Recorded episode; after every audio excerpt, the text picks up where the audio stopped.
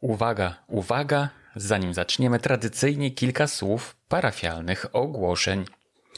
Jak zapewne wiesz, wciąż otwarte są zapisy na cykl kilkudziesięciu lekcji na temat rozwoju i promocji kancelarii prawnej. Lekcje są całkowicie bezpłatne. Przychodzą do ciebie mailem raz w tygodniu. Nie są długie, lektura każdej z nich zabierze ci raptem 10 minut maksymalnie. No, idealnie tyle, ile trwa przerwa w twojej pracy. Dowiesz się z nich wielu rzeczy, na przykład na temat alternatywnych sposobów promocji kancelarii, budowy relacji, sprzedaży produktów i usług w prawniczym sklepie, dlaczego warto tworzyć e-booki i dlaczego warto pisać papierowe książki oraz jak to robić, jak prowadzić e-mail marketing, jak komunikować się z ludźmi, po co komu specjalizacja i tak dalej, i tak. Tematów jest doprawdy całe mnóstwo i wciąż dochodzą nowe. Obecnie z owych lekcji korzysta już ponad 1400 prawników. Na kurs Mała Wielka Kancelaria zapiszesz się na stronie malawielkakancelaria.pl. Jeszcze raz maławielkakancelaria.pl bez polskich znaków oczywiście. To tyle ogłoszenia, a teraz podcast.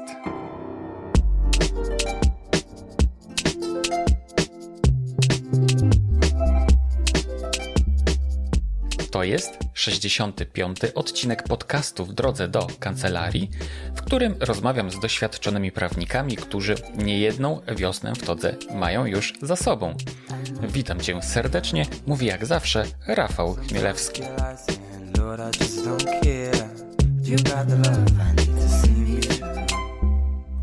W tym odcinku podcastu rozmawiam z panią mecenas Aleksandrą Przecherską-Baranowską, warszawskim adwokatem. Rozmawiamy oczywiście o rzeczach typowych dla tego podcastu, a więc o tym, jak promuje się kancelarię prawną, jak się sprzedaje prawnicze usługi, co to jest obsługa klienta, jak powinna wyglądać itd. Tak itd. Tak oczywiście też zapytałem moją rozmówczynię, jaką radę ma dla początkujących kancelarii, początkujących prawników oraz czego powinni unikać. I tutaj uwaga, yy, odpowiedź z pewnością Cię zaskoczy. Ale oczywiście to nie są wszystkie tematy, jakie poruszamy podczas naszego dialogu, bo głównym tematem jest dzisiaj coś innego. A co?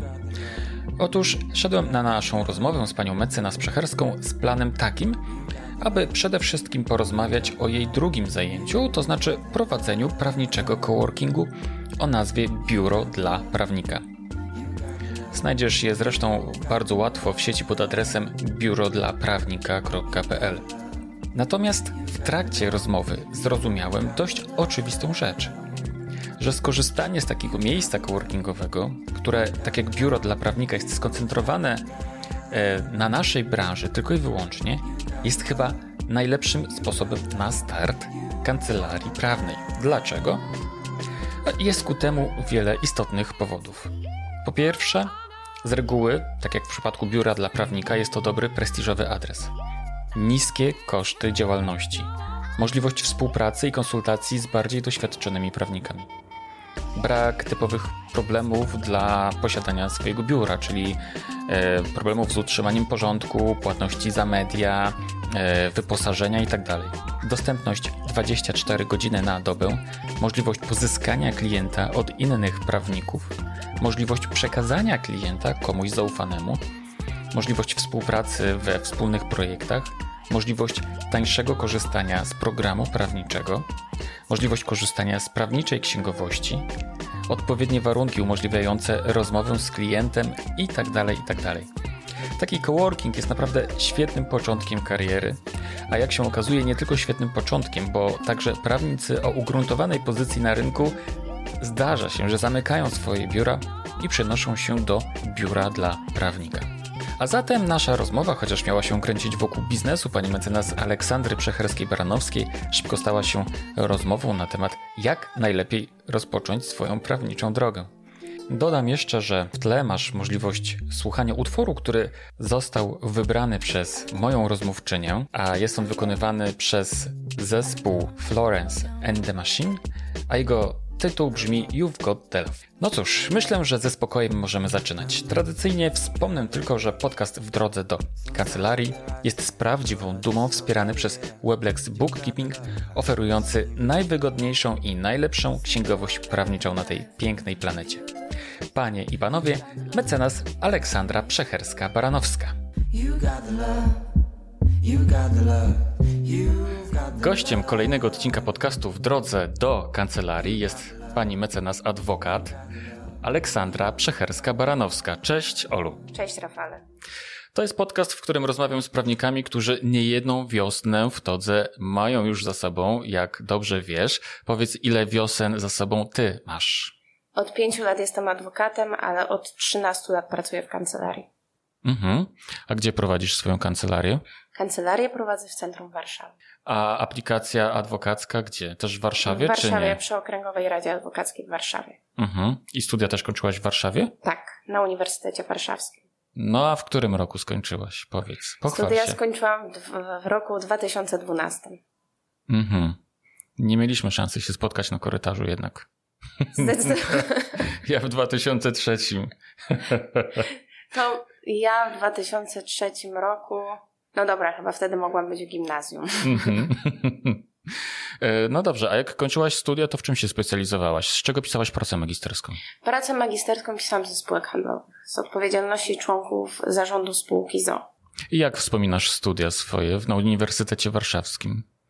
Nawet nie pamiętam, kiedy to 5 lat minęło, ale tak naprawdę zaraz po pierwszym roku w wakacje rozpoczęłam praktyki. Mhm. Miały to być miesięczne praktyki Mhm.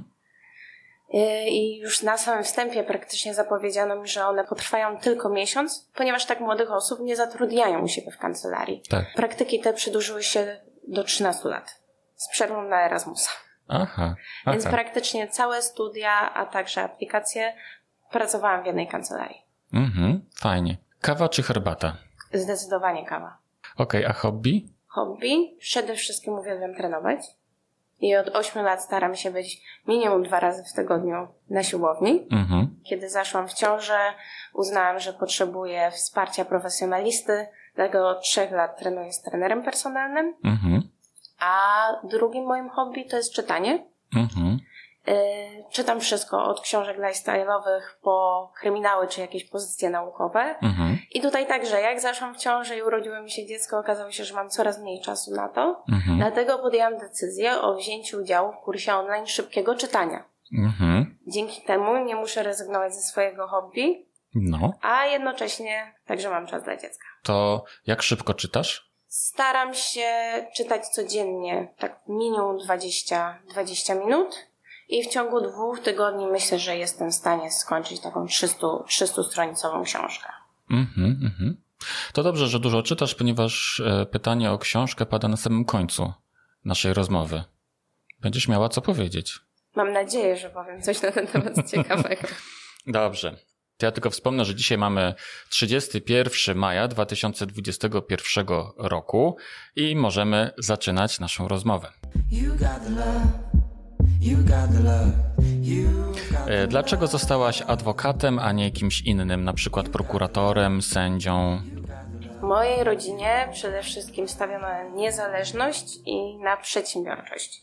Mój tata przez kilka lat pracował w spółkach Skarbu Państwa, a później założył swoją własną działalność. Mhm. Widziałam, że dzięki temu nie tylko ma czas dla rodziny, ale także jest niezależny. Mhm. Dlatego podjęłam decyzję o tym, żeby zostać adwokatem, a nie właśnie prokuratorem czy sędzią, chociaż nie wykluczam, że w przyszłości także zdecyduję się, aby, aby spróbować może pracy w sądzie czy prokuraturze.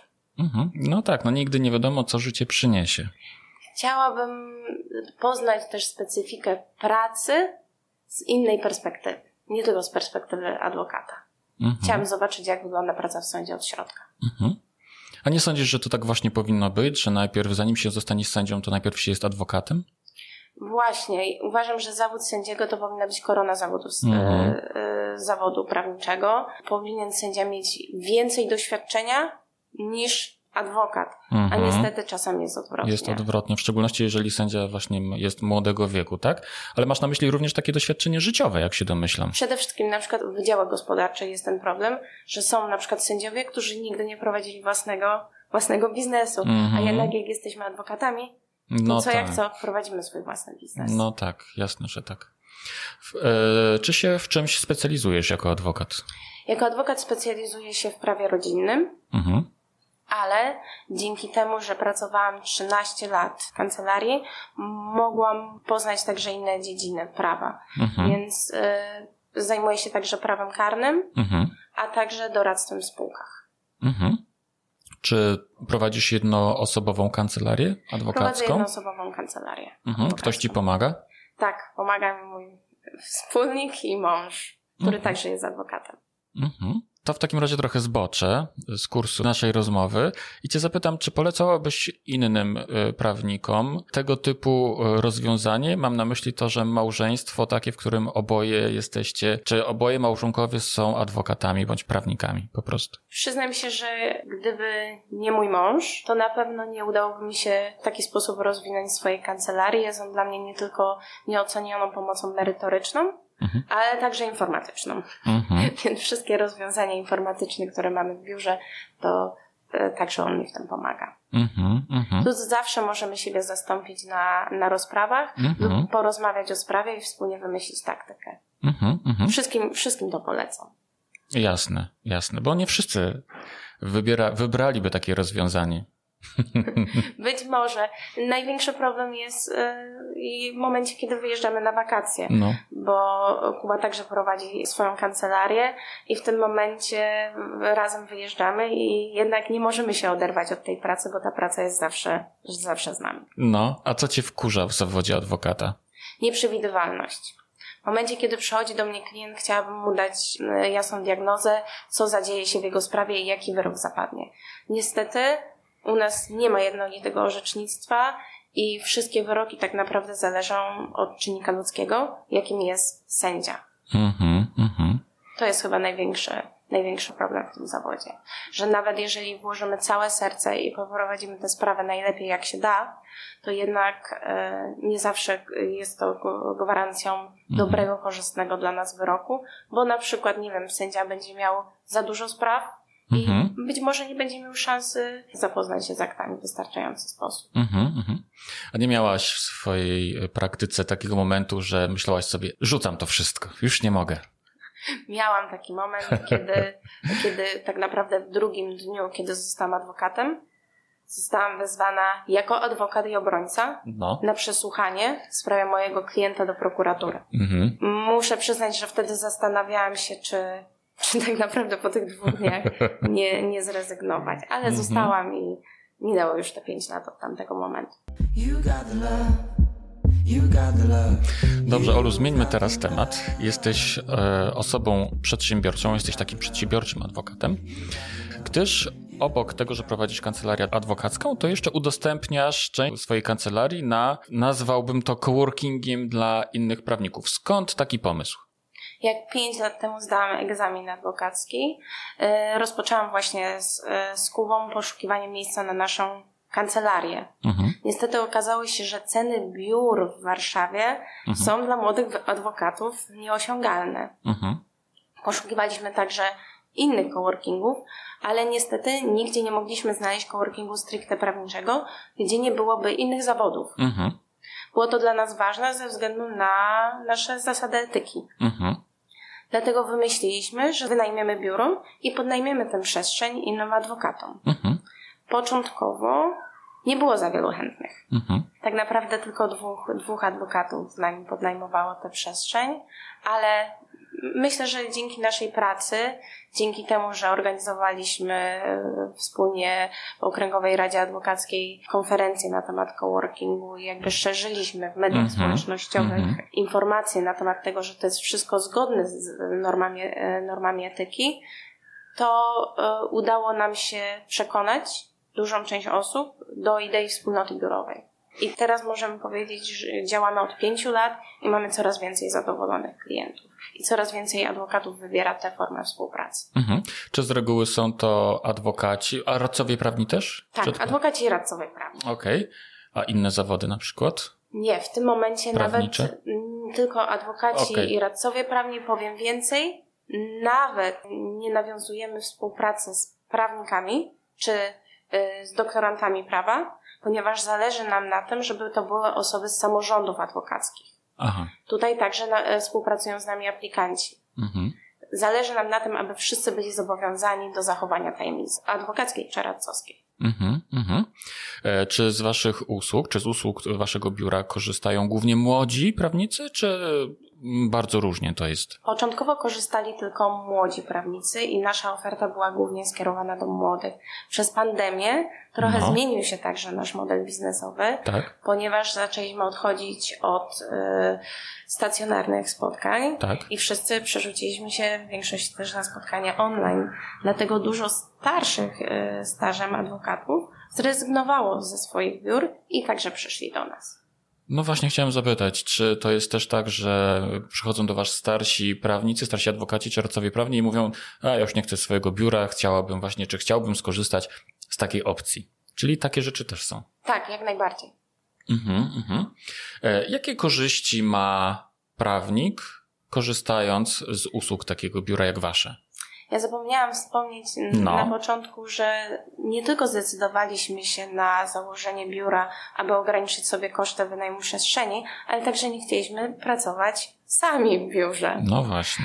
Dlatego dzięki temu poznaliśmy wiele osób i Mhm. panuje atmosfera trochę jak w korporacji, Mhm. ponieważ u nas w biurze jednocześnie pracuje gdzieś około, mm, myślę, że z 10-12 osób. A, o, czyli macie dosyć tłoczno. Tak, i może nie tłoczno, ponieważ No. mamy e, 200-metrowe biuro, przez, Mhm. co, przez to tego nie czuć na co dzień. No. Ale miło jest, kiedy, nie wiem, możemy spotkać się na kawę w trakcie pracy, czy nie wiem, poradzić się Mhm. e, w, w różnych sprawach, ponieważ Mhm. każdy z nas specjalizuje się w czymś innym. Ale jest też tak, że e, spotykasz się z tymi samymi ludźmi, a mam na myśli to, czy są tacy prawnicy, którzy codziennie przychodzą do was i pracują, tak? Tak, są, e, są to ci sami prawnicy, oni praktycznie przychodzą codziennie. Część z nich wynajmuje gabinety, a część z nich wynajmuje Mhm. e, podnajmuje biurka. I to nie tylko są już nasi bardzo dobrzy znajomi i spotykamy się także poza pracą, ale także polecamy sobie klientów. Mhm. Jeżeli na przykład w- czujemy się w jednych specjalizacjach słabiej, a wiemy, że na przykład nasz kolega obok Mhm. z gabinetu jest tym specjalistą, to wtedy polecamy sobie także klientów. Bardzo fajnie to wygląda, muszę powiedzieć. Bardzo fajna cecha, taka wartość dodatkowa. Tak, tym bardziej, że pamiętam na przykład naszych pierwszych trzech klientów i oni są z nami praktycznie do dzisiaj Mhm. i siedzimy razem, e, siedzimy razem w biurze. Mhm, mhm. To jakie korzyści oprócz tej może mieć prawnik korzystający z waszego biura? Przede wszystkim możemy sobie pozwolić też na trochę prestiżu, Mhm. ponieważ jak e, rozpoczynamy własną działalność, to wiadomo jest, że niewielu z nas stać na usługę sekretarską Mhm. czy na podnajem bardzo ładnej sali, sali Mhm. konferencyjnej. A dzięki temu możemy tutaj zadbać jednak o ten customer Mhm. service Mhm. i o, o profesjonalną obsługę, Mhm. obsługę klienta. Mhm. No i co? Blisko sądu, tak? Jesteście. Tak, jesteśmy bardzo blisko sądu. Wszędzie jest blisko, ponieważ jesteśmy w centrum, w centrum Warszawy. Mhm. Powiedz mi, Olu, czy dobrym pomysłem jest dla prawnika, który na przykład ma kancelarię w Poznaniu, ma siedzibę kancelarii w Poznaniu, żeby na przykład założył sobie e, filię swojej własnej kancelarii w Warszawie? Dla niego to będzie lepiej wyglądało, prestiżowo, tak? To, to ma sens? To, co, to, o czym mówię, tak? Tak, ma sens, bo mamy choćby klientów z Aha. Poznania, którzy sobie założyli filię, filię w A. Warszawie. I dzięki temu też e, sprawiamy wrażenie w internecie, że mamy jakby bardzo dużą kancelarię z kilkoma oddziałami, a dodatkowo także możemy pozyskać klientów z innych miast. Mhm. Co myślę, że jest jak, naj, jak najbardziej na korzyść dla, Mhm. dla kancelarii. Mhm. I wtedy oczywiście taki prawnik z innego miasta może się umówić na przykład z, z klientem tutaj z Warszawy i wtedy spotkać się w waszym biurze. Dokładnie. U nas w biurze y, to wygląda w ten sposób, że biuro jest czynne 24 godziny na dobę. I tak naprawdę każdy adwokat może o dowolnej porze, Mhm. po zarezerwowaniu, nie wiem, sali online, może skorzystać z tego biura. Jesteśmy w tym biurze praktycznie całkowicie niezależni. Sami sobie możemy, jeżeli nie potrzebujemy obsługi sekretarskiej, to sami sobie zrobimy kawę, herbatę, yy, skorzystamy z drukarki, czy zrobimy skan do klienta. Mhm, mhm. A dodatkowo, co jest też bardzo ważne, jest to zgodne z zasadami etyki. Mhm. Sama przeszłam kontrolę w kancelarii Mhm. i nie mieli do nas żadnych, jakichkolwiek zastrzeżeń. Mhm, mhm. A jeszcze mnie interesuje jedna rzecz, bo wspomniałaś o tym, że biuro jest czynne 24 godziny na, na dobę. To jak to macie zorganizowane? My mamy tajne sejfy i tajne kluczyki, do, tajne kody do sejfu. I dzięki temu adwokat może zawsze o każdej porze skorzystać z tego, z tego biura. Mhm. Jeżeli jakby nawiązuje z nami współpracę, przekazujemy mu jakby dane do tych sejfów, Mhm. przekazujemy mu dane, nie wiem, do ochrony Mhm. i dzięki temu może skorzystać z naszego biura. Mhm. I są tacy, którzy przychodzą, nie wiem, o drugiej w nocy na przykład? Zdarzało się nawet, że i o trzeciej w nocy przypominali sobie o terminach i przyjechali pracować. Czyli jednak takie sytuacje się zdarzają. Jak najbardziej. Oj, te terminy, no właśnie. No dobrze. Jeszcze taka e, bardzo ważna cecha to są znacznie niższe koszty. Na samym początku mówiłam, że nasza e, oferta jest skierowana głównie do młodych, ponieważ my mamy bardzo korzystne ceny. Mhm. E, Nigdzie tak naprawdę nie da się znaleźć sali konferencyjnej, nawet nie o tym standardzie, tylko po prostu w tak niskiej cenie, jak, jak jest u nas, ponieważ Mhm. to jest 25 zł netto za godzinę. Mhm. Więc mamy bardzo niskie ceny, dzięki temu tak naprawdę każdy młody adwokat, który rozpoczyna działalność, może sobie na to pozwolić. Na tym Mhm. nam zależało, żeby, żebyśmy po prostu się wsparli razem Mhm. I dzięki temu, że jest nas więcej, mogliśmy sobie jako młodzi Mhm. adwokaci pozwolić już trochę na trochę luksusu. Mhm, mhm. E, No i jeszcze jedna chyba, e, wydaje mi się, istotna wartość to jest to, że ktoś, kto e, ma, podpisuje z wami umowę i ma u was możliwość skorzystania z biura, to nie musi się martwić również wtedy księgowością. My staramy się zapewnić start mm, kancelarii. Mhm. Czyli nie tylko tutaj zajmujemy się właśnie adresem, czy odbiorem korespondencji, czy spotkaniami, ale także, ponieważ Mhm. jesteśmy adwokatami, czyli jesteśmy zmuszeni niejako do prowadzenia własnej działalności gospodarczej i księgowości, Mhm. to mamy także świetną ofertę księgową, Mhm. z którą można się zapoznać na naszej stronie. Mhm. Olu, jeszcze coś przychodzi ci do głowy, jeśli chodzi o waszą ofertę na przykład? Kiedy rozpoczynamy prowadzenie własnej kancelarii, potrzebujemy do tego programu prawniczego. No, no właśnie. Bez niego niestety nie możemy, nie, mo, nie możemy pracować i właśnie w ofercie biura mamy możliwość wykupienia po bardzo dobrej cenie, bo to Mhm. jest 100 zł netto, Mhm. e, dostępu do Mhm. programu prawniczego. Mhm. Bo mamy wykupionych jako biuro więcej licencji i dzięki temu możemy jedną jakby z tych licencji udostępnić e, Aha. użytkownikom biura. Wow, no to rzeczywiście bardzo fajna korzyść. Tak, bo gdybyśmy mieli sami Mhm. wykupić, e, wyku- wykupić taki program prawniczy, to niestety tutaj także jest Mhm. bardzo, bardzo wysoki koszt, który tutaj byśmy musieli uwzględnić w naszym budżecie, Mhm. a całkowicie zbędny. Mhm. Mhm. A wiesz, ja się w ogóle nie orientuję, ile to kosztuje dla kancelarii takiej indywidualnej, taki program e, prawniczy, to jakie, jakie to są koszty? E, Wiesz co, my akurat jakby naszą umowę podpisywaliśmy kilka, kilka lat temu, Aha. ale musimy liczyć się, że to jest na Mhm. przykład koszt około 400, Aha. 400 zł. Czyli jak u was płaci się 100 zł, no to rzeczywiście jest bez porównania. Tak, mniej. ponieważ jakby mamy dostęp do większej ilości użytkowników, to możemy ten koszt jakby podzielić Jasne. przez, przez większą liczbę osób. Mhm, mhm. Dlatego też zachęcamy tutaj do skorzystania, Mhm. skorzystania z tej oferty. Czy adwokat bądź radca prawny, no, bądź inny przedstawiciel zawodu prawniczego może wynająć sobie salę konferencyjną u was na, nie wiem, na jakiś event, który sobie organizuje, na, na przykład na jakieś śniadanie biznesowe, jak to często prawnicy Nie ma żadnych problemów Mhm. w tym momencie, żeby skorzystać z tej sali. Oczywiście głównie ta sala jest do spotkań z klientami, ale jeżeli chciałby zorganizować taki event, to myślę, że tylko potrzebujemy informacji i jest do dyspozycji. Okej, okay, także zachęcamy, nie powiem, że wszystkich, bo gdyby wszyscy przyszli, to by się zrobił wielki tłum. Ale zachęcamy oczywiście jak najbardziej wszystkich do tego, żeby, skorzy- żeby przemyśleli, skorzystali z takiej formy. Nie, fajne jest to, pracy. że można tak naprawdę salę zarezerwować online. Mhm. I tutaj, tak jak powiedziałam, sami, sami korzystamy z tej sali i nikt nam w tym nie przeszkadza. You got love. Zmieńmy w takim razie temat. Olu, powiedz, y, w jaki sposób promujesz swoją kancelarię?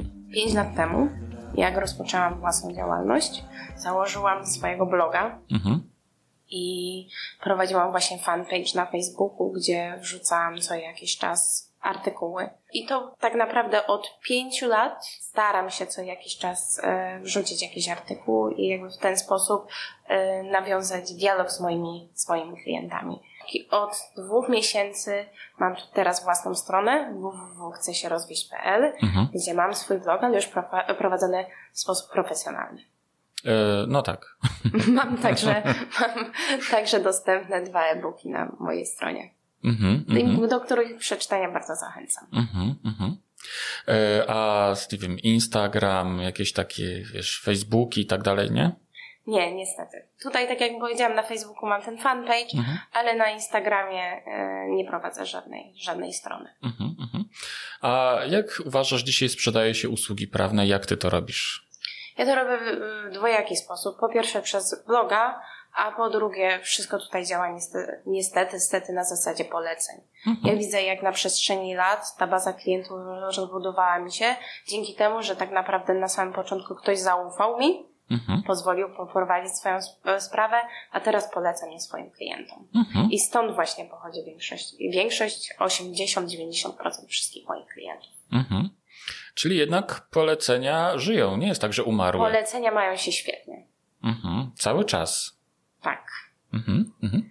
Kiedyś właśnie myślałam, że wystarczy, żebym miała, nie wiem, świetną stronę internetową i dzięki temu jakby pozyskam jak najwięcej klientów.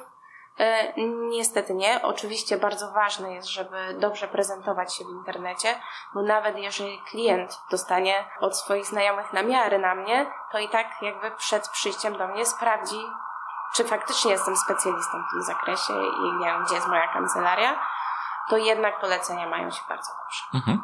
A co według Ciebie wpływa na, na polecenia, na ilość poleceń? Ja staram się być nie tylko jakby adwokatem, który napisze pismo dla swojego klienta, ale staram się moich klientów przeprowadzić przez rozwód. Mhm. E, jestem dla nich nie tylko jakby tutaj wsparciem merytorycznym, ale ponieważ moja kancelaria współpracuje także z psychologiem, staram się im tutaj zapewnić opiekę psychologiczną.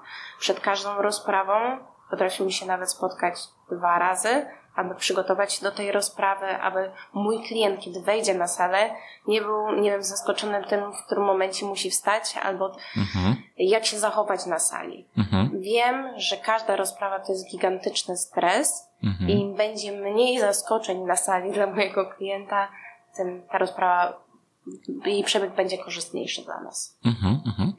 E, chodzisz e, na rozprawy ze swoimi klientami, czy wysyłasz raczej kogoś? Nie, zawsze chodzę na rozprawy z moimi klientami, chyba że jest naprawdę wyjątkowa sprawa, wyjątkowa sytuacja, że, mhm. że, mam, że mam kolizję, ale wtedy także moi klienci są wcześniej na to przygotowani i wcześniej poznają jakby adwokata, który, mhm. który mnie zastąpi i z nim także jakby tutaj mhm. ćwiczymy. Staramy mhm. się zrobić, y, przygotowuję ich tak krzyżowo ogień pytań.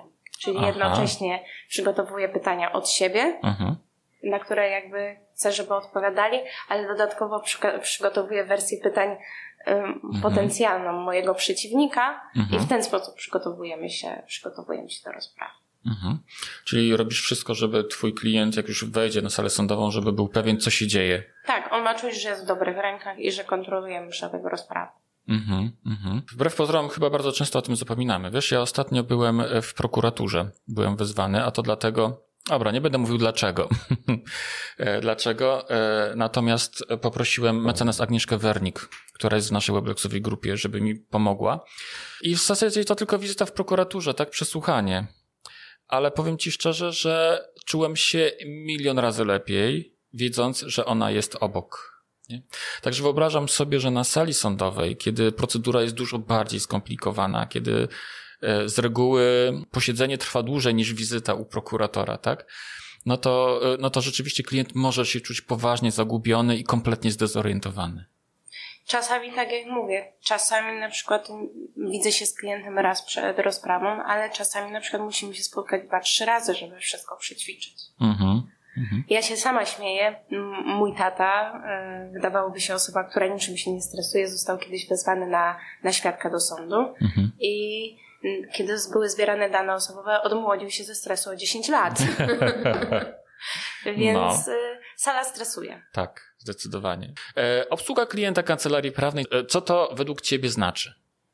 To znaczy tyle, że powinniśmy jakby zachować pewien standard obsługi klienta, który do tej pory tak naprawdę znany jest z innych zawodów.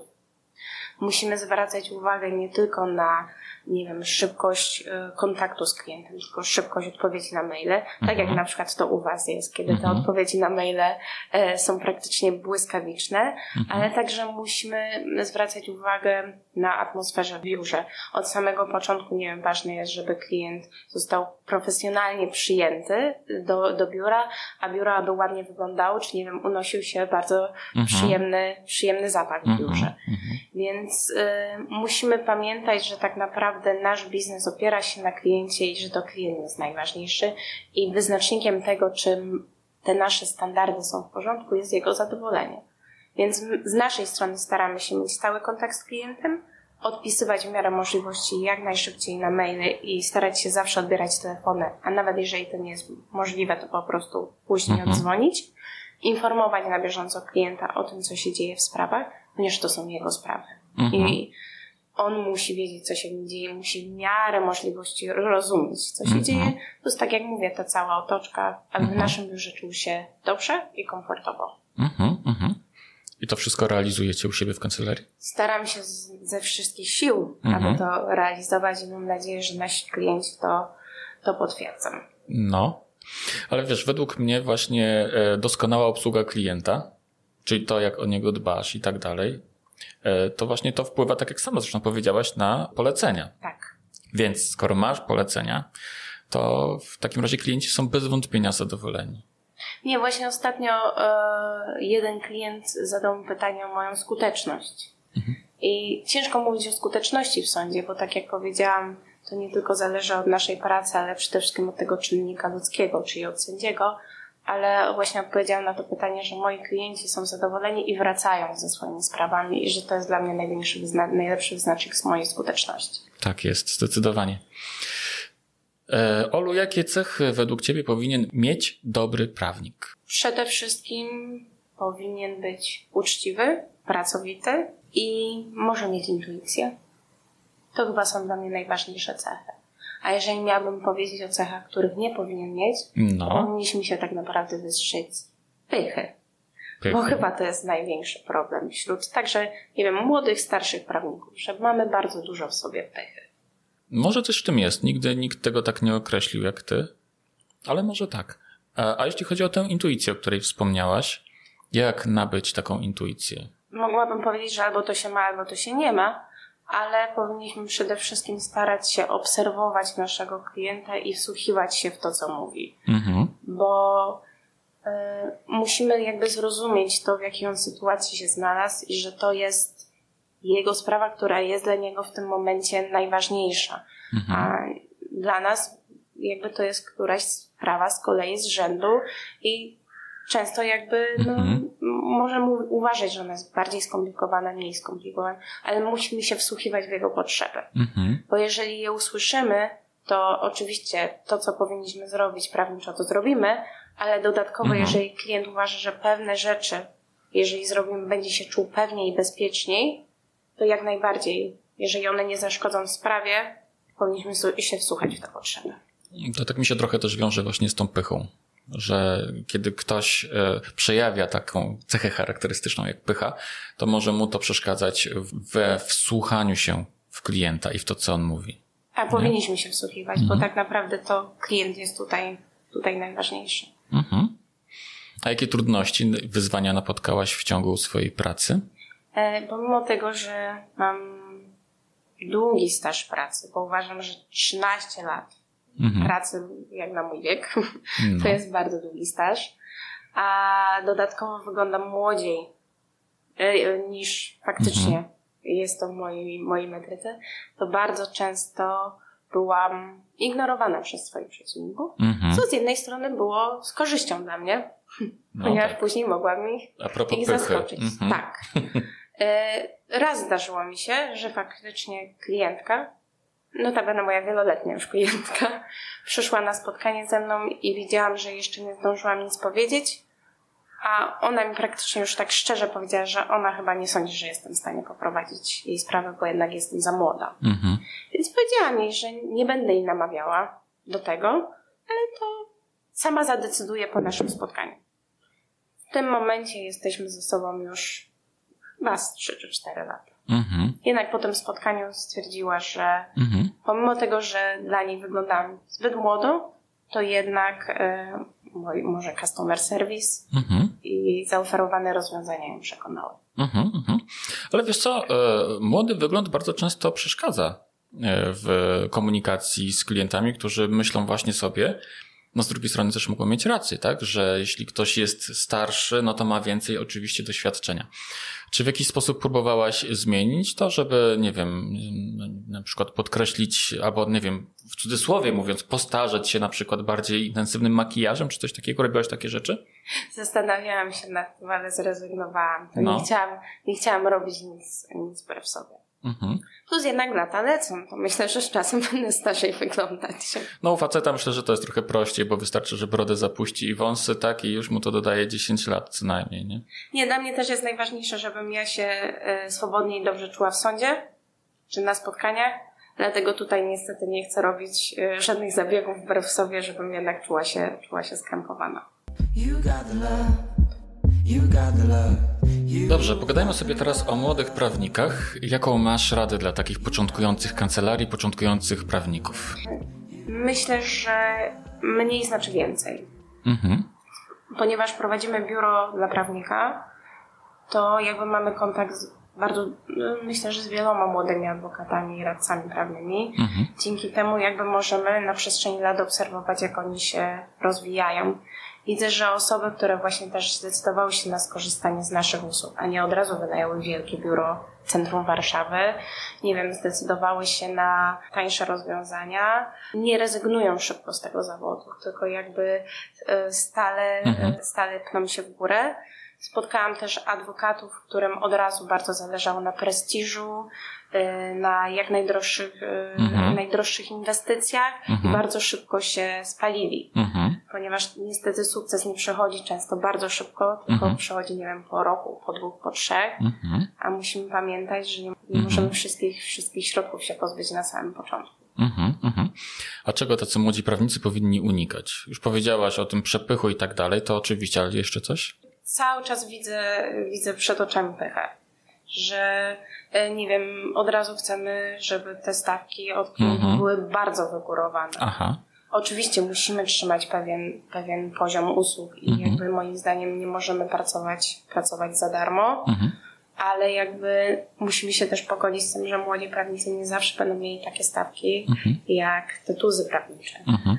E, Po drugie, e, jakby nie rezygnujmy, nie wiem, ze zbierania doświadczenia. Mhm. E, Ja na samym początku także brałam sprawę z urzędu Mhm. i dzięki temu też zdobywałam większe, większe doświadczenie, miałam częstszy kontakt z klientem. Teraz po tych pięciu latach już nie prowadzę tych spraw, ponieważ jakby mam wystarczającą ilość Mhm. swoich spraw e, z wyboru, ale nie rezygnujmy z tego. Mhm. Po prostu zbierajmy doświadczenie gdzie się da Mhm. i jeżeli będziemy naprawdę dawać całe serce swoją pracę, to to zostanie docenione. Mhm, mhm. Z wieloma prawnikami, którzy, z którymi rozmawiałem w tym podcaście, a którzy odnosili naprawdę fajne sukcesy, wiele z tych osób e, podkreślało znaczenie pracy właśnie pro bono, znaczenie dla swojej przyszłej kariery. To był bardzo ważny etap, bo się bardzo dużo nauczyli w tym czasie. Ja sama mam jakby sprawy, które wzięłam, ponieważ chciałam komuś pomóc. Mhm. Więc poza urzędówkami, które brałam na samym początku, jakby też, też staram się pomagać, bo na przykład y, wiem, że ja włożę całe serce w te sprawy i jestem w stanie komuś pomóc. Nie, nie chcę, żeby ta osoba po prostu trafiła pod nieodpowiednie skrzydła. Mhm. A jak młody prawnik powinien sobie, może sobie radzić e, na samym początku drogi zawodowej? Ja właśnie tutaj wszystkich, nie tylko reklamując nasze biura, ale zachęcam właśnie do skorzystania Mhm. e, z usług takiego biura coworkingowego dla adwokatów i radców prawnych, Mhm. bo dzięki temu możemy sobie obniżyć te koszty i możemy jakby zapewnić profesjonalną obsługę Mhm. dla klienta. Mhm. Mhm. I myślę, że to jest, to jest bardzo ważne na samym początku. Jasne, czyli tak. Jasne, czyli po pierwsze e, dobry wizerunek wtedy, tak? Masz dobry wizerunek, masz niskie koszty swojej Tak. działalności, a jednocześnie e, uważam, że bezcenną, absolutnie bezcenną rzeczą jest możliwość kontaktu z innymi prawnikami. Bo z jednej strony masz e, dostęp do wiedzy z pierwszej ręki, z takiej wiedzy op- opartej na doświadczeniu przede wszystkim. Z drugiej strony możesz mieć więcej klientów, ponieważ jeśli się w czymś specjalizujesz i inni wiedzą o tym, że się w tym czymś specjalizujesz, mogą ci po prostu podsyłać wtedy klientów. Nie? Więc to jest rzeczywiście to jest dobry pomysł na początek drogi zawodowej. Zawsze wiemy, do kogo się zwrócić z jaką sprawą. Jeżeli mamy jakiś, nie wiem, mm, zagwozdkę, z- akurat, nie wiem, sprawa pracy, to zawsze możemy skorzystać też z porady kolegi, który akurat tym się, tym się specjalizuje. Czy, nie wiem, z tematu spółek. I to działa w dwie strony. Jeżeli, nie wiem, mamy nawet sprawy rodzinne u nas, których sami nie chcemy wziąć, to wiemy, do kogo wysłać członka, nie wiem, swojej rodziny, bo będzie wtedy w najlepszych rękach. Gdzie według ciebie, Olu, tkwi źródło sukcesu kancelarii prawnej? Tak jak wcześniej chyba mówiłam, to jest customer service i to jest też dużo szczęścia. Bo bez szczęścia No. myślę, że nie dałoby rady rozwinąć dobrze kancelarii. No okej, ale customer service, czyli ta obsługa klienta, tak, no to e, to jest coś, nad, nad czym masz wpływ. A jeśli chodzi o szczęście, no to już coś, to jest coś takiego, co albo masz, albo nie masz, albo ci się przydarza, albo nie przydarza. A może można w jakiś sposób pomóc temu szczęściu? Ja wierzę, No. być może trochę naiwnie, że jeżeli dajemy z siebie wszystko i naprawdę czujemy, że robimy to, co, to, co lubimy i to, co powinniśmy robić, to to szczęście do nas przyjdzie. Bo jeżeli będziemy wykonywać zawód adwokata tylko i wyłącznie dla pieniędzy i nie będziemy czuli tego dreszczu emocji, jak, jak robimy sprawę, to myślę, że nic z tego. Mhm, mhm. No podobno szczęście przychodzi do tych, którzy są przygotowani. Mam nadzieję. No. Nie muszę powiedzieć, że na samym starcie miałam na pewno dużo szczęścia w prowadzeniu, w prowadzeniu kancelarii i wiele osób, z którymi wcześniej współpracowałam, pamiętało o mnie, kiedy rozpoczęłam swoją działalność i niewątpliwie pomogli mi przetrwać ten trudny czas, jakim jest, są te pierwsze miesiące działalności. Plus y, tutaj muszę chyba podziękować y, swojemu patronowi, który przez 13 lat uczył mnie, jak Mhm. y, prowadzić sprawę. Mhm, Y, Jest to mecenas Filip Dopierała, świetny adwokat mhm, i za to mu jestem wdzięczna. mhm, A po latach bardzo doceniam to, Mhm. czego mnie właśnie nauczył. mhm. I że dzięki niemu mogłam obserwować pracę adwokata. Te pierwsze wzorce są według mnie najważniejsze. Bo Tak, nimi bo- nasiąkamy jak gąbka, a potem je po prostu wypuszczamy z siebie. Nie sądziłam, że to będzie miało aż taki wpływ na moją pracę, ale przyznam się, pewnie mój, mój były szef będzie się ze mnie śmiać, że nie ma dnia, kiedy nie pomyślałabym, co by on zrobił w danej sprawie. Mhm. Jest, y, jest zawsze, jest zawsze przy mnie. Mhm, mhm. No, nauczycieli pamięta się podobno do końca życia. Myślę, że będę pamiętała mojego, mojego patrona do końca życia. Dobrze, przejdźmy teraz do mojego najbardziej ulubionego pytania, czyli e, co koniecznie każdy początkujący prawnik według ciebie powinien przeczytać? Właśnie No. zastanawiałam się, zastanawiałam się długo, co E, tak. mogłabym odpowiedzieć na to pytanie. No. I to jest trochę nietypowa pozycja, E, No. ponieważ jest to wymowa prawnicza. Mhm. Jest to książka wydawnictwa Beck. E, Jest to chyba 19 wykładów na Mhm. temat sztuki oratorskiej. O, bardzo ciekawe. Tam oczywiście te wykłady zostały przeprowadzone nie tylko przez świetnych adwokatów, takich jak nie wiem, Jacek Mhm. ale też przez specjalistów z mowy prawniczej, jak e, pan profesor Bralczyk. Mhm. E, Właśnie dzięki tej książce, dzięki temu, również temu, że miałam szansę obserwować e, swojego patrona na sali sądowej w końcowych przemowach, wiem, że mowie końcowej nie ma sensu jakby powoływać się na przepisy. Mhm. Na to był czas w trakcie rozprawy. Trzeba zaczarować tutaj Mhm. publiczność i Mhm. trzeba opowiedzieć swoją historię i spróbować przekonać po prostu Mhm. sędziego do tego, że ta nasza historia jest tą lepszą historią i dużo ciekawszą i prawdziwą. Mhm. Okej, e, czego można się dowiedzieć e, z tej pozycji, tak dokładnie w szczegółach, gdybyś mogła Tam coś są, powiedzieć? tam są właśnie wykłady na temat tego trochę jak przemawiać i w jaki sposób jakby opowiadać te historie. I tutaj właśnie zwróciłam uwagę na to, że tam nie ma mowy w ogóle o przepisach. Mhm. Wszystko jest tworzeniem historii i zwróceniem uwagi na formę, w jaki sposób możemy trochę, e, nie wiem, tutaj czarować, Mhm. Żeby jednak przekonać do swojej racji. Trochę taki marketing. E, No, absolutnie To tak. marketing na sali sądowej. storytelling to jest, wiesz, to jest najstarsza w ogóle forma w ogóle przekazywania wiedzy, ale też, tak jak to dobrze powiedziałaś, czarowania. Nie? Na przestrzeni lat zmieniało mi się moje podejście do sali sądowej. Teraz widzę, że to jest teatr, Mhm. i w którym po prostu odgrywamy swoje role. A na koniec mamy swój monolog. Jasne, że tak. I ja myślę, że tutaj też w grę wchodzą emocje, ludzkie emocje, także emocje tego składu orzekającego, który z jednej strony oczywiście musi opierać się na przepisach prawa, ale z drugiej strony właśnie te emocje mimo wszystko wpływają na podejmowane decyzje. Nie, ja jakby sama widzę, ponieważ jednak, ponieważ specjalizuję się w prawie rodzinnym, pomimo tego, że zajmuję się i, innymi także działkami prawa, to jednak w prawie rodzinnym tych emocji jest najwięcej. Mhm. I nie ma rozprawy, na której by nie było łez. Mhm. Niestety, tutaj jakby te łzy są nieodłącznym e- elementem. Mhm. I bardzo często widzimy tak naprawdę, kogo boli ten rozwój, kto został pokrzywdzony, a kto jest obojętny jakby na, na te uczucia, które są na tej sali. Czyli tak, storytelling tutaj znajduje zastosowanie. Trochę się czepnę tego storytellingu, nie? Bo mnie to absolutnie fascynuje ten temat. On znajduje zastosowanie właśnie, tak jak sama wspomniałaś, w umowie końcowej na sali sądowej. Czy według Ciebie gdzieś jeszcze w kontaktach z klientem bądź w życiu kancelarii storytelling może znaleźć zastosowanie? Ta umiejętność opowiadania historii. W kilku rzeczach, jeżeli chodzi Mhm. o salę sądową, jeszcze tutaj nawiążę, zeznanie świadka to jest jeden wielki storytelling. Mhm. Tylko żeby to story było prawdziwe, to, to jest Mhm. jakby główny problem. Ale także nie wiem, jak przychodzi do nas klient. Mhm. to tutaj także, pomimo tego, że on do nas przychodzi i my mamy wysłuchać jego, to także tutaj jakby prowadzimy ten swój storytelling. Mhm. Czyli opowiadamy trochę o kancelarii, o tym, czym się zaj- zajmujemy, Mhm. jakie mieliśmy, nie wiem, podobne case'y, chociaż tutaj wiadomo, e, bez żadnych, bez żadnych danych osobowych. Więc tutaj cały czas ten storytelling jest, jest obecny w pracy. Mhm, mhm. Czy w książce, o której wspomniałaś, jest też mowa o tym, e, w jaki sposób budować taką historię? Tak, tutaj wszystko jakby. Nikt nas tego nie uczył niestety na, Mhm.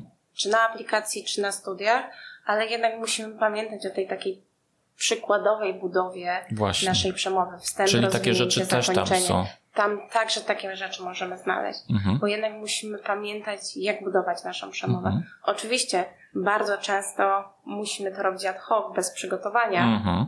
E, ale jednak jeżeli mamy okazję się przygotować, to dobrze by było jednak sobie zrobić albo ten wstęp, rozwinięcie, zakończenie, albo na przykład wymyślić trochę inną formę e, naszej wypowiedzi poprzez pytania i odpowiedzi. Mhm.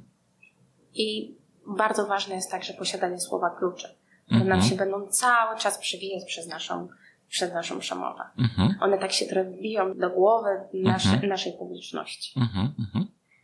E, Bardzo ciekawa książka. Ja muszę po nią sięgnąć. Nie wiedziałem, że taka jest w ogóle na rynku. Możesz powtórzyć jeszcze raz tytuł? Wymowa prawnicza. Wymowa prawnicza. A autor? Właśnie Autorzy? tam jest wielu autorów Mhm. i wśród nich jest profesor Bralczyk i Jacek Dubois. Mhm. Olu, to ja Ci chciałem bardzo serdecznie podziękować za naszą rozmowę. Ja również dziękuję za zaproszenie i za rozmowę. Było mi bardzo miło i powiem Ci szczerze, że nie wiedziałem, że e, tyle korzyści, właśnie to, to, to, co mi najbardziej utkwiło w pamięci, poza książką absolutnie, którą zaraz pójdę sobie kupić, e, to te korzyści, które właśnie e, młody prawnik może mieć korzystając z biura coworkingowego dla innych prawników, tak? Bo takie biura mogą być też dla różnych innych przedsiębiorców, ale że, co też ma oczywiście swoją wartość, tak? No natomiast y, tutaj, jeżeli są w otoczeniu inni prawnicy, to to ma szczególną wartość. Z tego sobie sprawy nie zdawałem. bo my mamy albo adwokatów, którzy w ogóle rozpoczynają swoją działalność, albo mamy adwokatów, którzy przeszli nie wiem, z jakichś większych kancelarii czy z korporacji. Mhm. I tutaj widzimy, że jak oni, zanim jeszcze do nas przyjdą, chcą założyć to biuro, to zapominamy o wielu kosztach, Mhm. Do których jesteśmy, do pewnej rzeczy jesteśmy przyzwyczajeni po prostu w biurze. Nie wiem, koszt kawy, papieru, drukarki. No jasne. to wszystko tak. okazuje, sprzątania biura, No właśnie. to wszystko okazuje się, że jak to podsumujemy, to nas niestety na początku na działalności to nie stać. Mhm. A dzięki właśnie temu, że mamy takie biuro dla prawnika, możemy z tego wszyscy korzystać dowolnie. Olu, jeszcze raz serdecznie Ci dziękuję. Dziękuję.